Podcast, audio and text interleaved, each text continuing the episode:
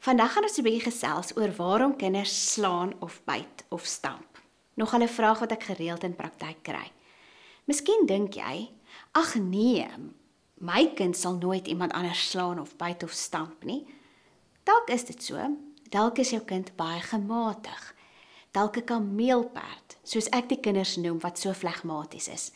Maar ek het ook al gesien dat ons nie te vinnig moet sê, "O, my kind sal dit nooit doen nie." En selfs al is jou kleuter die een wat nooit anders seermaak nie, wees versigtig om nie te veroordelend te wees teenoor daardie kleintjie wat dit wel doen nie. Somstyds vang slim sy baas, veral as dit by ouerskap kom.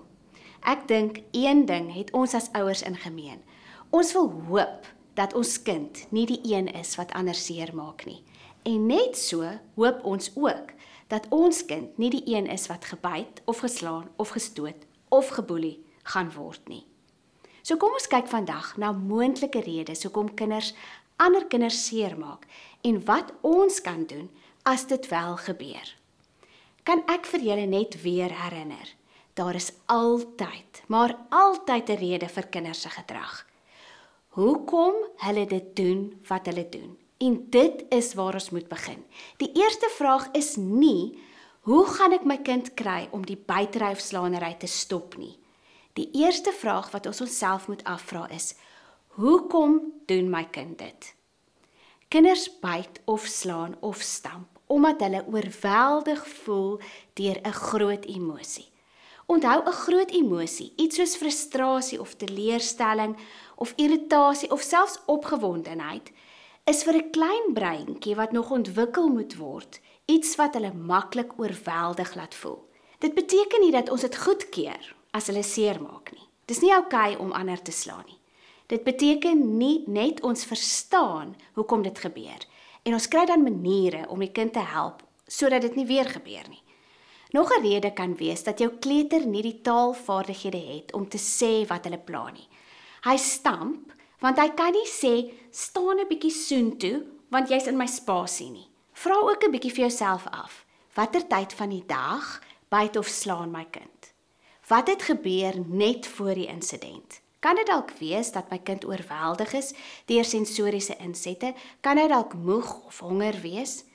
Onthou sensitiewe kinders het 'n lae drempel vir stimulasie en wanneer hulle tandjies vol word met al die geraas en die beweging en 'n besige omgewing, kan hulle net soos krimpvarkies opkrul in 'n balletjie of hulle spikes kan uitkom en hulle kan stamp of skree of byt. Nog 'n rede kan wees dat jou kleuter dalk ondergestimuleer is en daarom gefrustreerd is. Onthou, apie kinders is altyd op soek na meer stimulasie. En as hulle dit nie kry nie, dan kan hulle uit frustrasie reageer. En dan is dit nogal lekker om iemand te byt. En wat meer is, dan reageer almal die een wat gebyt word huil en die groot mense reageer.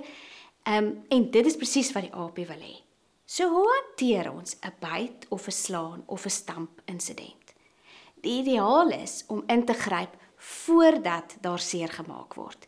Maak voorsiening vir jou kind se unieke temperament. Vermy oorstimulasie en lei jou kind se aandag af wanneer jy sien dat hy gefrustreerd en geïrriteerd word. As daar wel 'n insident is, is dit belangrik om aandag te gee aan die kind wat seer gemaak word, die slagoffer. Sak dadelik af op jou knieë langs die kleintjie en troos. Dit sal die boodskap gee dat seermaak beslis nie veroorsaak dat meer aandag gegee word nie.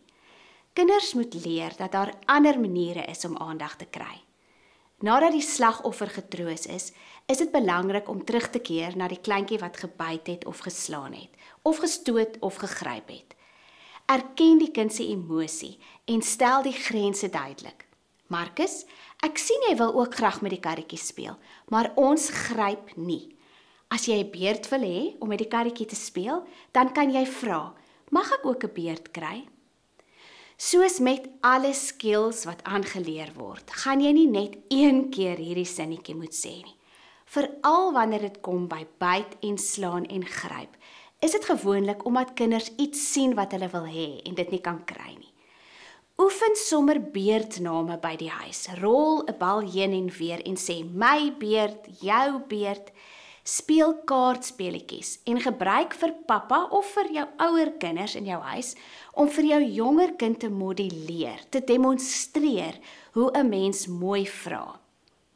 Kinders wat byt en nie noodwendig slaan of stamp of gryp nie, het baie maal 'n soeke na orale stimulasie. Dis daai kleintjies wat dalk nooit 'n dummy gehad het nie of wie se dummy te vroeg weggevat was. As jou kleuter een van hulle is, dan is daar 'n paar planne wat jy kan maak.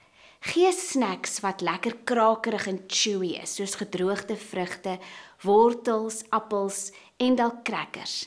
Mens kry ook jewelry, amper soos 'n teething toy wat kinders om hulle nekke kan dra en waarin hulle kan kou, sou hulle dit nodig kry.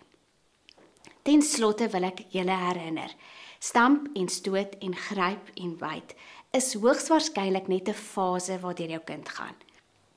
Haal diep asem en doen hierdie tegnieke wat ek bespreek het. En voor jy jou oë uitvee, sal daardie gedrag ook iets van die verlede wees.